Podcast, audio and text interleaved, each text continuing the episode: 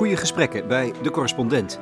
Ditmaal met politiek-econoom Alexandre Afonso over coronabonds en de valse mythe die door Europa waart. Er is wel, er is wel een probleem, ik denk, tussen wat kiezers in Europa willen horen van hun uh, regeringen. En, en bijvoorbeeld, is ook het geval in Nederland. En wat eigenlijk werkt om, om politieke, economische problemen te, op te lossen. En in, in het bijzonder in, in noordelijke landen, um, regeringen hebben zo een, soort verhaal verkocht aan hun kiezers. Dat zegt dat ze echt virtueus en zo uh, zijn en dat ze um, een, een soort morele superioriteit hebben. En dat zuidelijke landen te veel uitgeven, dat, dat ze lui zijn. Het was bijvoorbeeld de, de um, omslag van de Elsevier een paar, een, paar, uh, een paar dagen geleden, denk ik. Dat, dat, is, ik denk niet dat het helemaal de hele um, samenleving uh, betreft. Dat, dat, dat, niet dat iedereen dat denkt, maar er is wel een soort verhaal dat, dat politici hun kiezers verkopen, dat, dat eigenlijk niet te veel te doen met de realiteit. Want als je eigenlijk de cijfers kijkt, um, bijvoorbeeld het aantal uren die mensen werken elke week. In Zuid-Europa werken mensen meer uren dan in Nederland of in, in Denemarken. Politici weten dat misschien, maar kiezers hebben misschien niet zo een goed idee van wat eigenlijk gebeurt in, in de politieke economie van andere landen.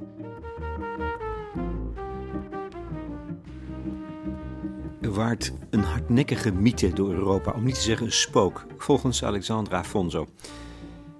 Zo eentje die volstrekt niet klopt met de realiteit. Zie de cover van Elsevier deze week. Op het bovenste, noordelijke deel zie je hardwerkende, serieuze vakmensen. Beneden, in het zuiden, jawel, luie, zonnebadende levensgenieters. Ik, ik heb het eigenlijk heel duidelijk racistisch gevonden. Ik vond het eigenlijk heel verrassend dat zo'n omslag in 2020 kan uitkomen. Van, van deze zo luie, zuidelijke mens die uh, een koffie was aan het drinken met een grote snor en zo. Dat ben ik. Ja, ik, ik heb het heel racistisch gevonden. Afonso is zelf een soort geboren Europeaan. Als wetenschapper deed hij de afgelopen jaren niets anders dan rondzwerven van universiteit naar universiteit. Niet de minste trouwens. Zo werkt het wetenschappelijke precariaat tegenwoordig. Nu is hij neergestreken in Leiden. Hij doseert politieke economie op de campus in Den Haag en is geboren in Zwitserland als zoon van Portugese gastarbeiders. Zijn vader had eerst militaire dienst gedaan in Angola en mocht toen van de overheid het land verlaten. Hij ging werken bij een wijnboer in de buurt van Lausanne wijnboeren in Zwitserland. Zo, hier in Nederland kan je eigenlijk geen Zwitserse wijn kopen. Want de, de, de werkkosten zijn te hoog en het is oké wijn. Maar is, voor dezelfde prijs krijg je veel betere Spaanse, Italiaanse Chileense wijn of zo. Een kansloze onderneming eigenlijk. Ja, inderdaad. En het is alleen om de, om de landschap te onderhouden. Zo, ze, ze, ze, ze, ze overleven bijna exclusief van, van subsidies om een hele mooie landschap over de zee te onderhouden. En, en dat kan je doen in zo'n land als Zwitserland. Dat, dat is een rijke land, we hebben bankieren, we zijn ook in belastingsparadijs. Dus we hebben genoeg geld om dat soort vanity projects misschien. Dat, ik vind het eigenlijk heel goed. Maar in landen zoals Portugal kan je eigenlijk niet doen. Het is ook zo dat de hele generatie van mijn ouders, ik weet niet ook of, veel mensen buiten dat weten, maar de hele generatie van mijn ouders. Uh, obligatorische school in Portugal was vier jaar. Dus mijn ouders zijn tussen acht en twaalf jaar naar school geweest. En daarna moest je werken. En eh, dat, dat klinkt echt zo van de, van de middeleeuws of zo. Maar dat was ook zo. En mensen hebben geen idee hoe, hoe arm sommige landen in, in Portugal eigenlijk was. So ik ging altijd op vakantie naar mijn grootmoeder in die dorpje in het centrum van Portugal. En mijn grootmoeder is in de jaren negentig um, gestorven en tot, tot haar dood leefde ze in een huis zonder elektriciteit. In de jaren negentig. Maar om te zeggen dat ik een Europeaan ben, ja. Het, ik zou niet zeggen dat, ik, dat het een bewuste keuze was, want ik, ik ben altijd een migrant geweest. Nu ben ik Zwitser, maar ik ben alleen, um, Zwitser geworden toen ik 27 was. En dat was vier maanden voordat ik vanuit Zwitserland vertrokken ben. En so in mijn hele leven ben ik alleen de burger van het land waar ik woon voor vier maanden geweest. De wetenschapper is een zwerver geworden. Dat is, dat is ook zo. En, en academici en mensen die op universiteiten werken hebben heel veel over precariteit. En het is ook zo. Om, uh, om, uh, om binnen te blijven, om een vaste baan te krijgen, moet je sowieso altijd reizen.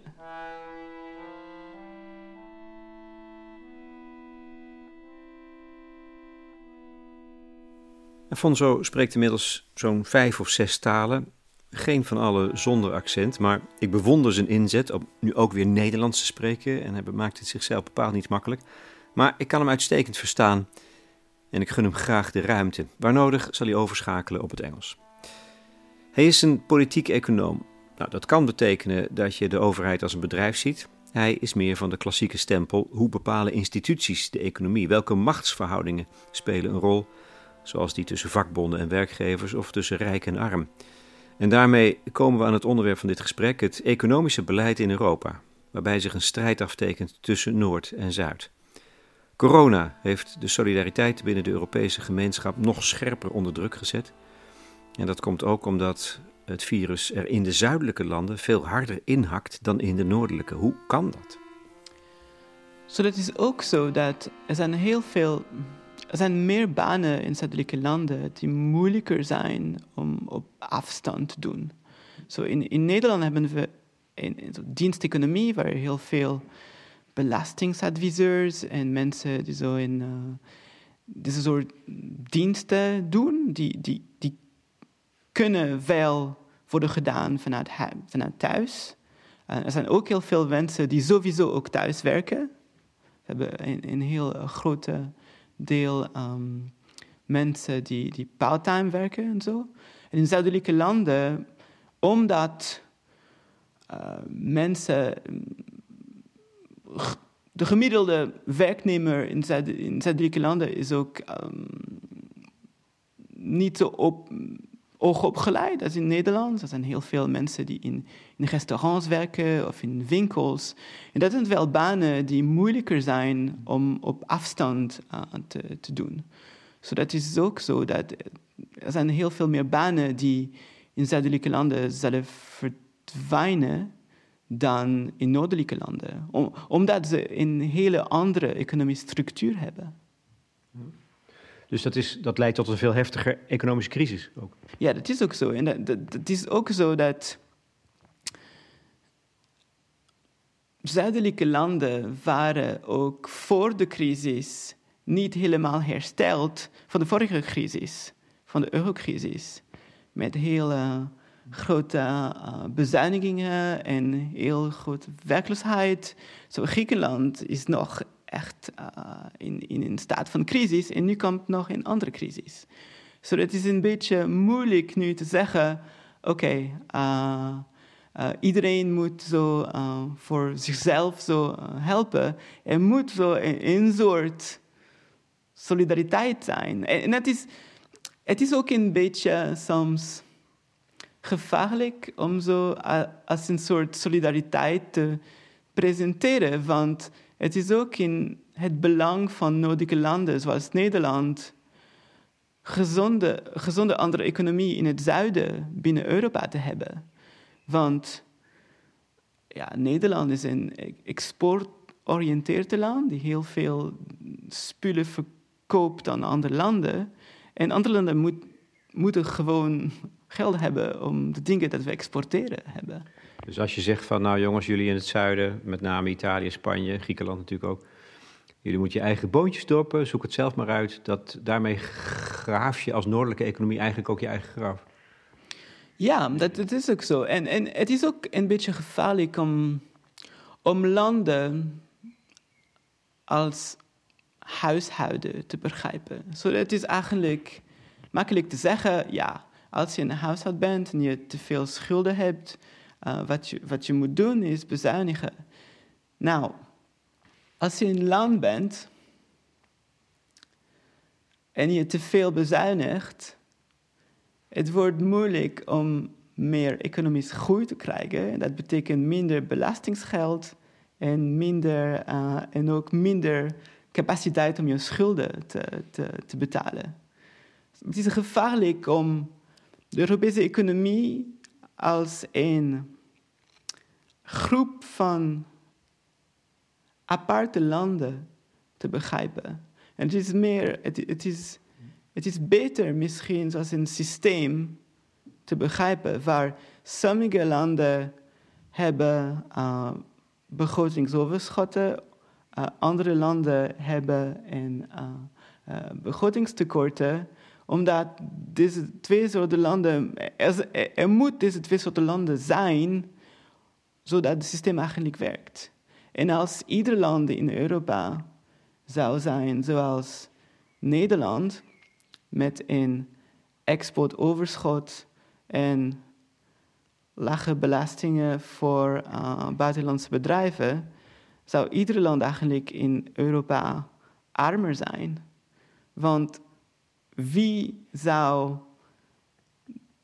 de spullen dat Nederland exporteert eigenlijk kopen?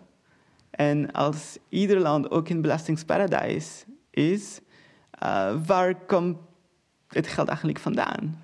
Maar dat is een werkelijkheid of een waarheid of een inzicht dat politici liever niet delen met uh, de bevolking.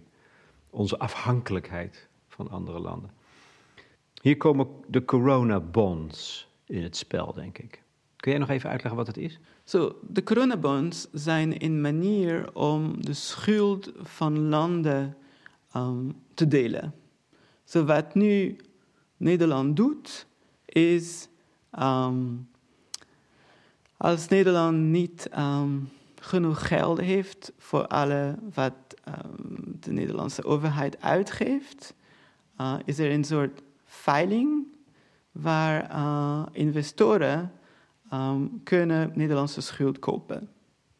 En Nederlandse schuld is eigenlijk, heeft een heel lage rente, omdat investoren denken dat Nederland heel betrouwbaar is. Tegelijk is het andersom voor um, landen zoals Italië of Griekenland of Portugal, waar de rente dat, uh, dat het schuld van deze landen dat deze landen moeten uh, betalen, is heel hoger. Het is bijna 2% nu. De rente is 2%? De rente is, is uh, zo 1,6 of zo, 1,7 of zo. Maar het probleem is dat als, omdat de schuld van deze landen, het schuld van deze landen ook in euro zit, dat betekent dat als investoren denken dat om Griekenland of Italië geld te lenen uh, uh, wordt te gevaarlijk, omdat uh, heel veel werkloosheid is, zodat ze niet meer in staat zullen zijn om hun schuld te betalen, nemen ze hun geld terug en kopen ze Nederlandse of Duitse schuld. So dat betekent dat de rente op, op Nederlandse schuld gaat omlaag, omdat de rente op Italiaanse schuld omhoog gaat. Zo, is niet, dat is waarom ik, was aan het zeggen, dat is, het is moeilijk verschillende landen in Europa als aparte landen te, begrijpen, omdat ze zijn hetzelfde systeem.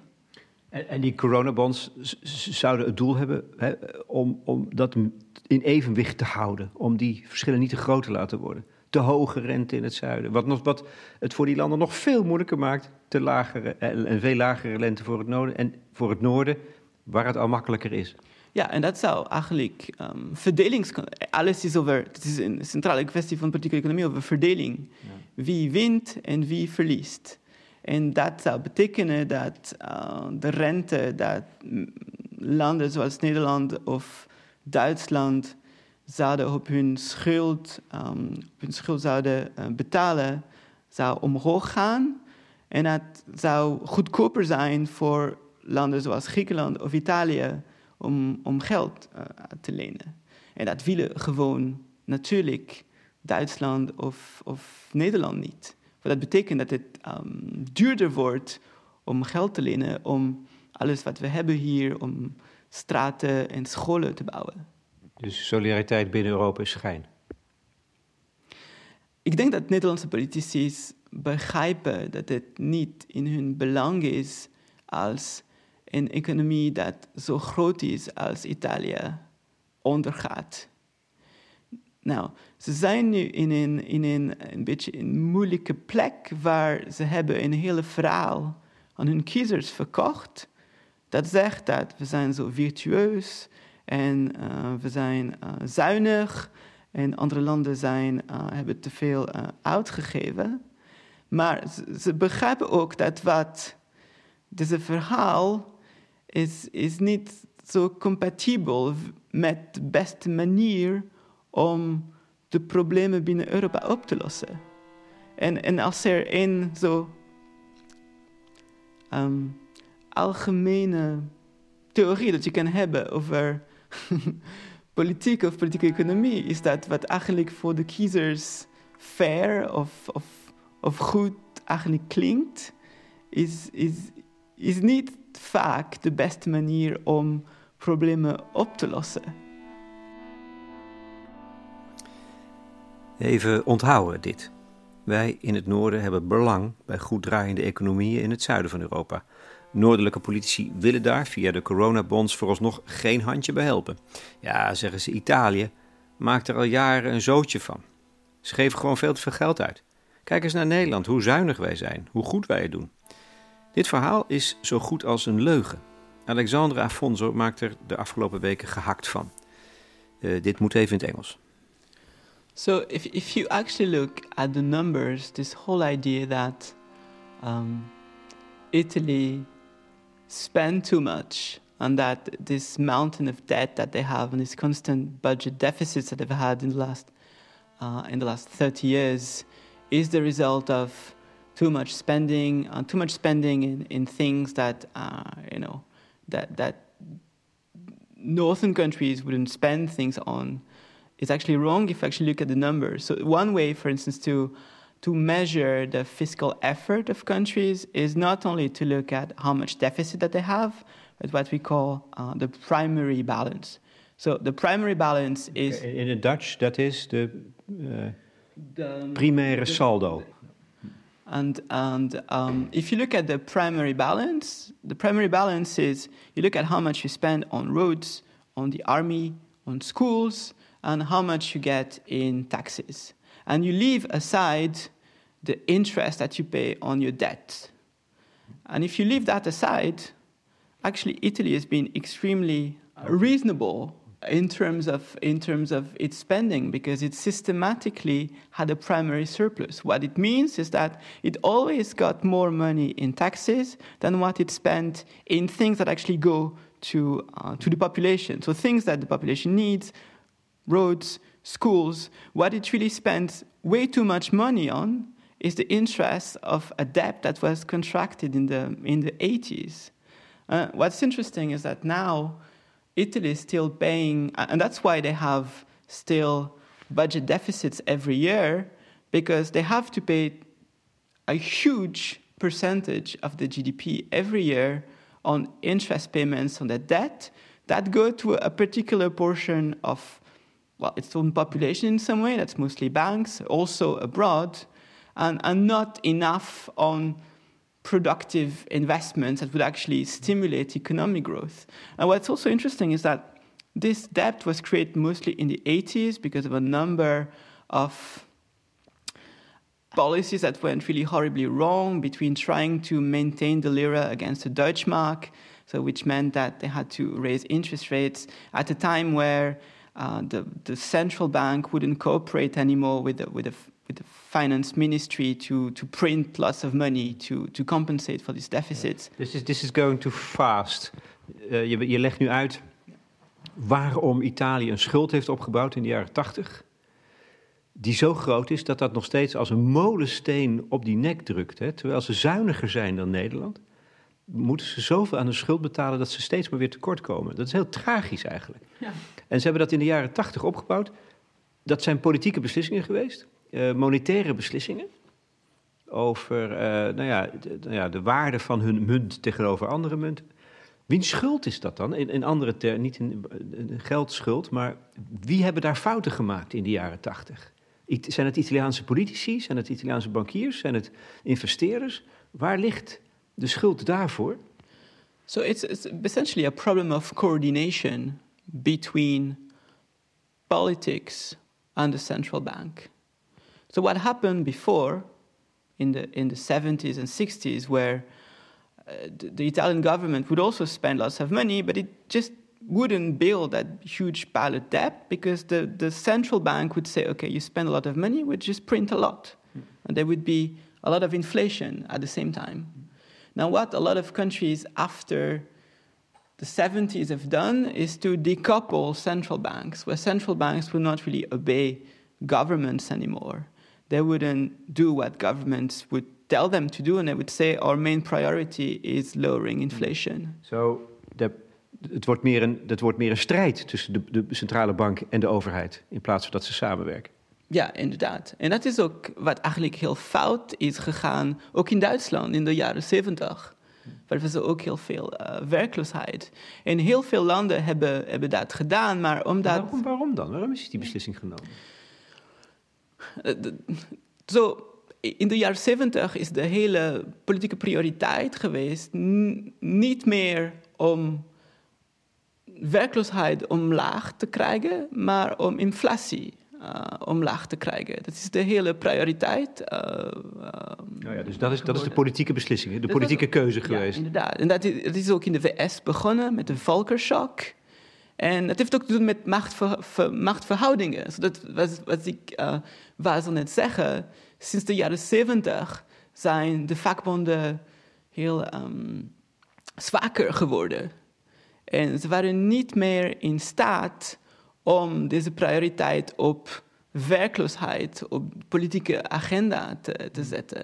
En, en, en deze um, verandering tot inflatie als de, de topprioriteit van, van uh, overheden over de hele wereld, heeft ook te doen met machtsverhoudingen. Wie heeft een belang in lage inflatie? Wie is dat? dat, men, dat is mensen die um, de eigenaren zijn van schulden. Ah. Als je een overheid bent en je een hele grote schuld heeft, inflatie is eigenlijk heel goed. Dat betekent dat elk jaar met inflatie de, de, de nominale uh, waarde van jouw schuld omlaag komt. En de mensen die die schuld hebben uitstaan, die willen een, nou ja, die willen dus een zo laag mogelijke inflatie, want dan blijft de waarde van hun schuld groot. Ja, en alles heeft te doen met, met verdeling. En ik denk dat dit ook belangrijk is, omdat burgers en kiezers horen deze hele uh, soms ingewikkelde termen zoals inflatie en eurobonds en coronabonds en primair overschot. En dat is ook abstract voor mensen, maar het heeft eigenlijk heel te doen met wie krijgt wat en wanneer. Het is een centrale kwestie van politieke economie. Ja. Maar waar, wie zijn dat dan? Die mensen die dus bewust die schuld van Italië zo groot mogelijk hebben gehouden? Na die fatale ontkoppeling van centrale bank en overheid? Wie zijn dat? Waar zitten ze? Zo, ja, ik ben niet zo een, orthodox marxist, zou ik zeggen. Maar het heeft echt te doen met, met, met um, ondernemers die uh, na de jaren zeventig uh, de, een opportuniteit hebben, hebben gezien om, om de kost van, van, van arbeid te verlagen. En dat is, dat is, uh, dat is precies wat is eigenlijk in, in de jaren, in, in de laatste 40 jaar is gebeurd. de, de hele scheiding in de politieke economie van Europa en ook in de hele wereld is echt in de jaren 70 waar je had een heel grote periode tussen 45 en 73, waar je heel economisch groei had, heel lage werkloosheid en ook heel sterke vakbonden ook. En daarna zijn deze hele maatverhoudingen veranderd, waar arbeid en vakbonden zijn uh, zwakker geworden. En dat betekent ook dat hun prioriteiten om meer uitgeven, de verzorgingsstaat uh, uh, op te bouwen, zijn ook een beetje minder belangrijk geworden. En de interesse van kapitaal zijn belangrijker geworden. Zo, zo inflatie bijvoorbeeld. Waarom, want ook in Duitsland of in Nederland is er een ontkoppeling geweest tussen de centrale banken en de overheden? Of is dat alleen in Italië gebeurd? Of, maar ook in andere landen? En, en als het zo is, waarom heeft het dan daar minder desastreus uitgepakt? De Duitse centraalbank was het model voor nu de Europese Centraalbank. En wat is ook belangrijk te begrijpen, is dat verschillende landen hebben verschillende equilibria tussen, eh, in de relatie tussen hun overheden en hun centrale banken. En Duitsland was nu het model voor de hele eurozone, want ze hebben altijd een, een lage inflatieregime gehad. So, inflatie is altijd sinds de jaren twintig so een soort obsessie voor de Duitsers. Voor, voor, um, hmm. voor, um, voor redenen die, die we kennen. In de jaren twintig had je hyperinflation, hyperinflatie. En in Italië had je eigenlijk de andersom. Je had een heel hoge inflatieregime. So, het was mogelijk voor Italië om een hele hoge inflatie te hebben. En op de, op de, op tegelijk kunnen ze, als ze controle over hun, de lira hadden, met hun eigen centraalbank, die onder controle van de, van, uh, van de ministerie van Financiën was, het was mogelijk deze hoge inflatie um, tegen um, devaluatie van de valuta te compenseren. Het was de hele equilibrium dat echt anders was van wat je had in Duitsland. En met de euro hebben we een nieuw systeem geadopteerd dat de hele Duitse model heeft geadopteerd. En, en het eind van het liedje is dat Italië en de andere landen de grote slachtoffers zijn van dat neoliberale project, waarbij ze allemaal binnen hetzelfde systeem gaan vallen en de investeerders de grote winnaar zijn. Ja, en je, je kan zo als een neoliberaal systeem begrijpen, maar het is ook, dat heeft ook te doen met in zo'n soort one-size-fits-all systeem ja. waar voor Italië helemaal ongeschikt. Want het was helemaal anders van hoe hun economie eigenlijk werkte. En in, in Duitsland had je eigenlijk de instituties en een soort vakbonden die heel... Uh, een soort poldermodel dat we ook in, in Nederland hadden. Er was heel veel coöperatie tussen vakbonden en werknemers en de overheid om lonen omlaag te krijgen om competitief op wereldmarkten te zijn. In Italië of in Zuid-Europa, in Portugal, in, in Spanje, zelfs, zelfs meer in Griekenland, had je niet deze traditie van coöperatie. Dus het was echt moeilijk voor deze landen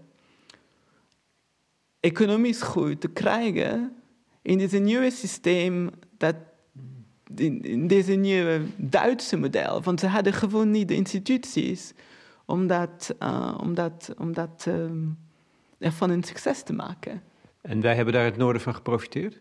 Als je Italië krijgt, als je de cijfers van economisch groei in Italië uh, ziet, is, er is amper groei geweest in Italië sinds het begin van de jaren negentig. Zoals toen ze eigenlijk begonnen om echt deze primaire um, begrotingsoverschot te krijgen. Want ze, dus zuinig, zuinig zijn, weinig uitgeven, om, maar, om maar, maar alles gaat naar die schuld. Dus daardoor is die groei onmogelijk. Die, die, die komt maar niet van de grond. Ze zitten in een vicieuze cirkel. Als je, als je een metafoor wil, het is als je probeert te zwemmen met een groot blok cement op je rug. Dus het, is, het is mogelijk om misschien uh, ja, boven water te blijven, maar je kan eigenlijk niet zo, niet zo, niet zo snel zwemmen. En dat is eigenlijk wat, wat is gebeurd met Italië. Want uh, dus, de rente van het schuld van Italië, het is denk ik 5 of 6 procent van, de, van BBP. Dat is echt gigantisch. En dat moeten ze echt hmm. nog elk jaar betalen voor fouten die werden in de jaren 80 gemaakt door een politieke klas die is in de jaren negentig verdwenen. Dus hele um, de democristiani, zo de, de, zo de, de Italiaanse CDA, die uh, door corruptieschandalen in de jaren negentig zijn verdwenen, die naar gevangenis zijn, zijn uh, gegaan. En, en, daarna moet je, heb je een heel andere politieke klas die, die niet perfect is, maar dat nog moet, moet nog voor de fouten van 40 jaar geleden betalen. En, en, hoe lang nog? Want het zijn nu de jonge generaties die daar dus voor opdraaien, hebben, hebben daar geen enkele verantwoordelijkheid voor. Dus dan, dan, dan wat het enige wat je kan doen is, als je talentvol bent en, en het doorziet, is, is vertrekken, toch? Wat, nog, wat, wat, wat het land in, in zijn malaise houdt. En dat is precies wat gebeurt. Hier in Nederland hebben we zoveel um, talentvolle Italiaanse uh, wetenschappers en mensen die, die, uh, die, die, die hier werken, omdat het is, het is echt moeilijk om in Italië eigenlijk zo een, een carrière te maken. Want, want er zijn wel het verhaal en zo, de clichés, een beetje de corruptie. Er zijn wel problemen ook in Italië, maar er is ook gewoon geen geld. Want je kan gewoon niet groeien en je kan ook en er is wel corruptie, maar er is niet zoveel... Hoeveel... Er is gigantische corruptie. Ja, er is wel gigantische corruptie, maar in, in, het zuiden wel. Maar het is ook zo dat je kan niet... Hoeveel belasting kan je krijgen van een, een economie die niet groeit en niet is gegroeid in de laatste hmm. dertig jaren. Ja, precies. Waar, waar, waar, waar is het kip en het ei? Uh, je moet natuurlijk wel, ondergronds bij de maffia leeft een gigantische tweede economie, volgens mij. Dus dat, dat kunnen ze ook niet oplossen. Uh, of is dat eigenlijk een wereld die kansen zou bieden, zou je kunnen zeggen? Ja, in, in Nederland hebben, hebben, hebben we het echt over, over corruptie in Italië en de maffia. En dat de oplossing voor de schulden van Italië zou zijn dat ze moeten de hele zwarte economie belasten. Ja. Ik, ben, ik, ben eigenlijk niet zo overtuigd, want de grootste deel van de zwarte economie zijn um, lage lonen. En mensen op lage lonen, dat betekent ook dat ze als hun baan verliezen, ze hebben, ze hebben ook geen recht aan uitkeringen of werkloosheid uh, of, uh, of UWV of, of uh, of uh, dingen om hun uh, on, uh, koopkracht te verhouden. Dus dat betekent ook dat als je een grote zwarte economie hebt, je geeft ook minder uit om mensen te helpen. Ja, ja. Ja. Iets dat, dus op het moment dat je dat dan boven, boven het grond houdt, witwast, dan moet de overheid ook weer, nog weer veel meer gaan uitgeven. En dat is ook het probleem nu met corona. Er zijn heel veel mensen die hun baan kwijt zijn in Zuid-Italië maar omdat ze niet officieel waren aan het werken, ook geen uitkeringen krijgen. En dat is ook een goed probleem in Zuid-Europa. De, de echte mensen die het nodig hebben te bereiken. En, en als het is heel verhaal over dat zuidelijke landen te veel uitgeven. Als je eigenlijk vergelijkt hoeveel mensen werkloos zijn in Zuid-Europa en hoeveel mensen uitkeringen krijgen, er is eigenlijk een groot verschil. En in Italië is er, ik denk de cijfers hebben gezien dat het alleen 10 of 15 procent van de mensen die werkloos zijn, eigenlijk een uitkering krijgen. Dus het hele verhaal over te veel uitgeven, dat, dat klopt eigenlijk niet als je de cijfers uh, kijkt. En in Nederland is er minder werkloosheid, maar je kan zeker zijn dat bijna iedereen dat, uh, dat werkloos is in Nederland eigenlijk een uitkering, een uitkering krijgt. En dat staat haaks op het verhaaltje, de fabel, dat Nederland zo zuinig is. Italië nogmaals speelzuchtig, het is apert onwaar. Maar ook Nederland is helemaal niet zuinig. Wij geven, als je de schuldenlast weglaat, hè, dan kom je bij dat primaire saldo uit. Dus de verhouding tussen wat wij aan inkomsten verdienen via belastingen en wat we uitgeven aan alle publieke taken van de overheid. Dan geven wij stelselmatig en al jarenlang meer uit. En daar komen we mee weg. Ja, en, Nederlandse politici hebben het heel vaak over de fouten dat, dat de Italianen hebben gemaakt. Maar als je eigenlijk sommige politieke keuzes die werden gemaakt in Nederland, de, de beste, de beste voorbeeld is de, is de um, um, belastingsrenteaftrek. Dat is ook iets dat heel goed was voor politici. Want, uh, want, uh, Belastingrenteaftrek, hypotheekrenteaftrek? Hypothe de hypotheekrenteaftrek. Het was ook een, een, een manier om ook een berg van privéschulden op te bouwen.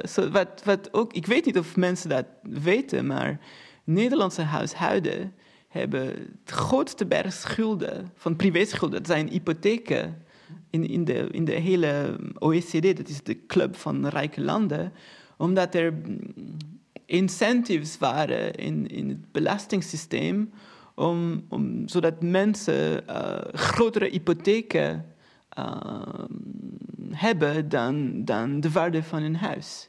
So als je andere landen zegt, oh, de fouten dat, jullie hebben gemaakt, er waren ook heel slechte er zijn ook heel slechte fouten gemaakt in de Nederlandse politiek, denk ik. En, en mensen zeggen dat, oké, ze zijn privé-schulden. Het is, no, het is niet hetzelfde als de private schulden, als publieke schulden dat uh, Italië of andere zuidelijke landen hebben.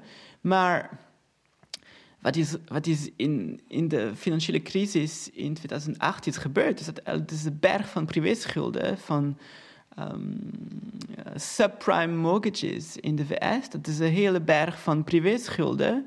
Als de banken ondergaan, en zijn bailouts die ook in Nederland zijn gebeurd. Dus een hele berg privéschulden wordt eigenlijk publieke schuld.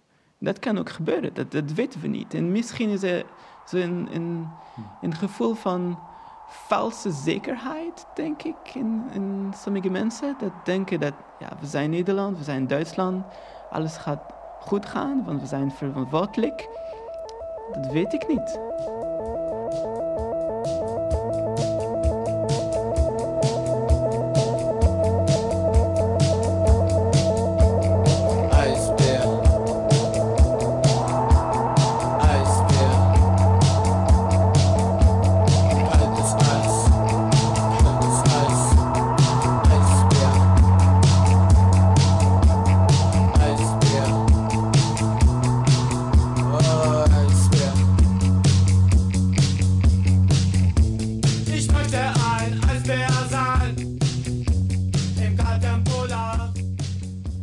Landen die het zo op het oog voor elkaar hebben, zijn die eigenlijk gebaat bij het in stand houden van de armoede van het zuiden?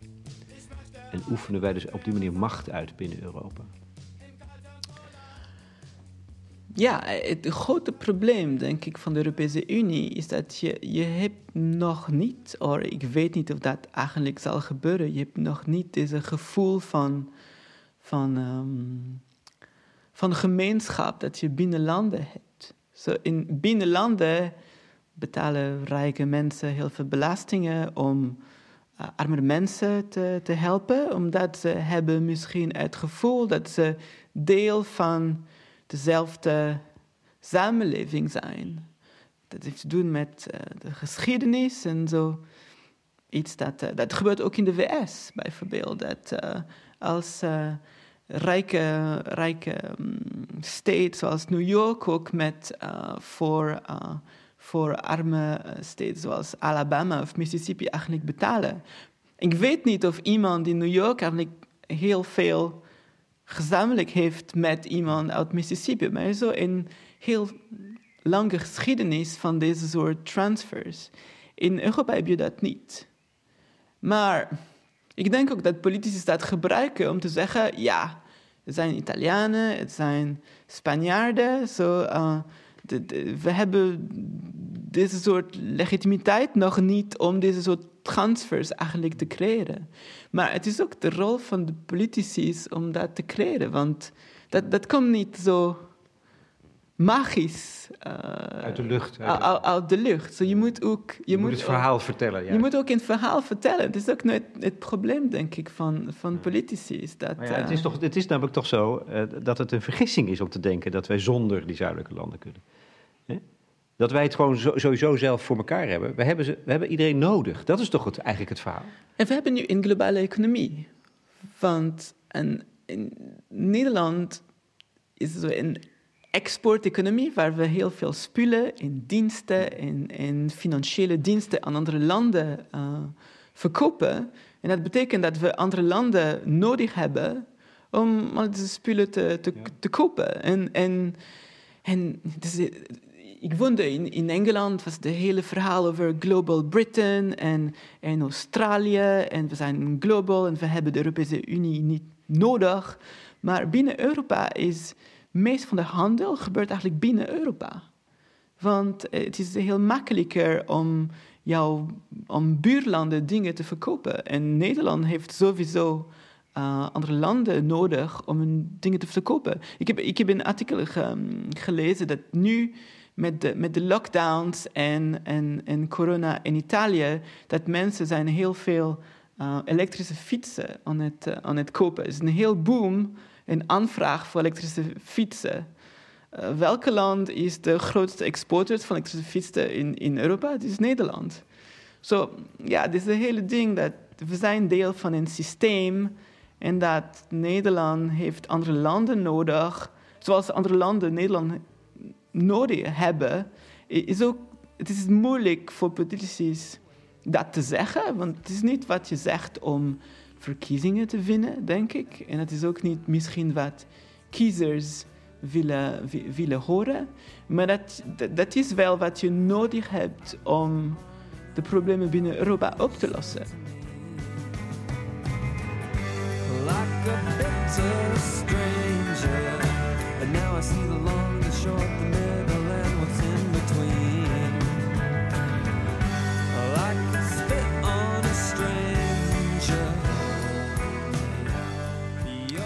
Goed, ik recapituleer. Er is wederzijdse afhankelijkheid binnen de Europese gemeenschap, of je dat nou wilt of niet. Italië heeft het moeilijk. Razend moeilijk. Groei is bijna onmogelijk vanwege de schuld die het land al 40 jaar met zich meetorst. Die is ontstaan doordat corrupte politici van christendemocratische huizen het Italiaanse model afzwoeren en het Duitse adopteerden. Het internationale grootkapitaal spint er garen bij op de achtergrond en de arbeiders, nou ja, het hele Italiaanse volk betaalt de tol. Gaan we ze dan helpen of niet? Is er een oplossing? Alexandre Afonso. Er zijn, er zijn twee manieren dat op te lossen, denk ik. En, en de eerste is. En ik heb wel collega's binnen in de politieke economie die, die dat denken, zelfs Italianen denken dat er is geen toekomst voor Italië binnen de hmm. eurozone. Van wat Italië nodig heeft is uh, economische groei. En dat hebben ze niet in de, in de laatste 30 jaren binnen, uh, sinds 2000 binnen de euro eigenlijk gekregen. De enige manier voor Italië om economisch groei te krijgen is, is eh, uit de euro af te stappen en controle hebben over hun eigen valuta en in staat zijn om te devalueren. Om, om, om weer terug naar die inflatie toe te gaan. Ja, en dat, dat, betekent ook inflatie. En inflatie is ook een goede manier om jouw berg schulden om, om kleiner, kleiner te maken. Nou, dat heeft... Het oude, eigenlijk het oude systeem. Dus. Ja, dat, dat, is, dat is ook zo. En, en de, Italië heeft amper gegroeid in de laatste 30 jaren. En, en de, het niveau van, van, um, van Italië werd eigenlijk bereikt al in het einde van de jaren 80.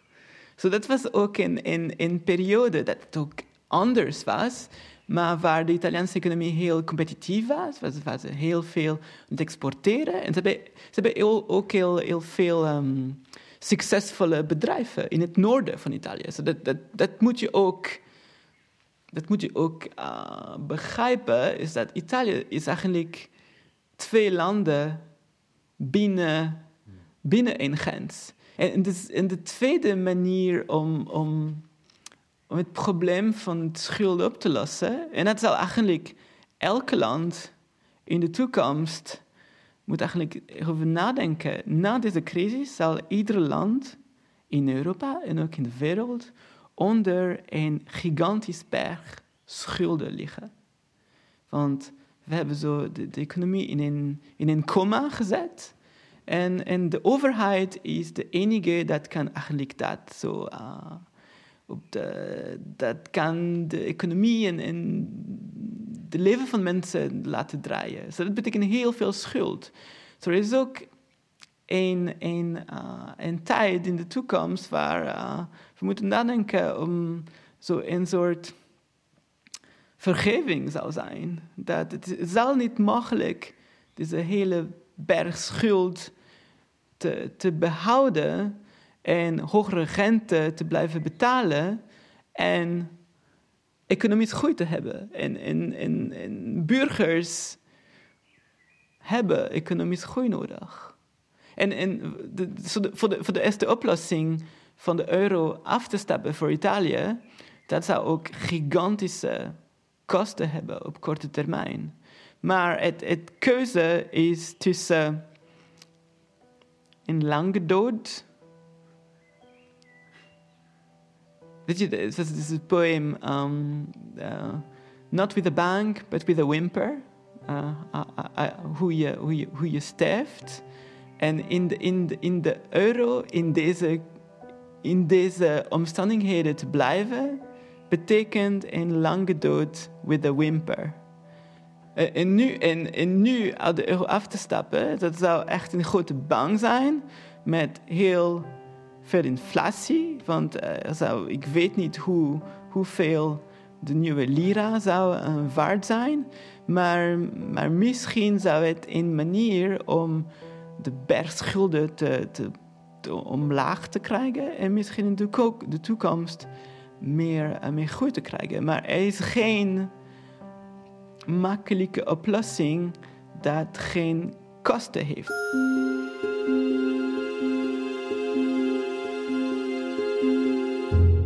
Alexandre Afonso, politiek econoom van de Universiteit Leiden, in gesprek met Lex Bolmeijer voor de correspondent. Het is voer voor discussie, lijkt me. Hoe ver reikt onze solidariteit? Vraag ik jullie. Afonso gaat in op jullie reacties op ons platform, dat, ik moet het erbij zeggen, alleen toegankelijk is voor leden. Maar, en dat is het goede nieuws, je bent al lid voor zeven tientjes per jaar. Dan krijg je iedere dag journalistiek voorbij de waan van de dag. Over corona en talloze andere onderwerpen. Zo is Thomas Oudman net gestart als correspondent voedsel. De muziek tenslotte. Ik gebruik de favoriete muziek van uh, Alexandre. Spit on a Stranger van Pavement bijvoorbeeld, indie muziek. Een Zwitsers lied over ijsberen, beetje bizar, van Grauzoon. En muziek van Erik Vloeimans. En dat is om het een beetje zonnig te houden. Fun in the sun.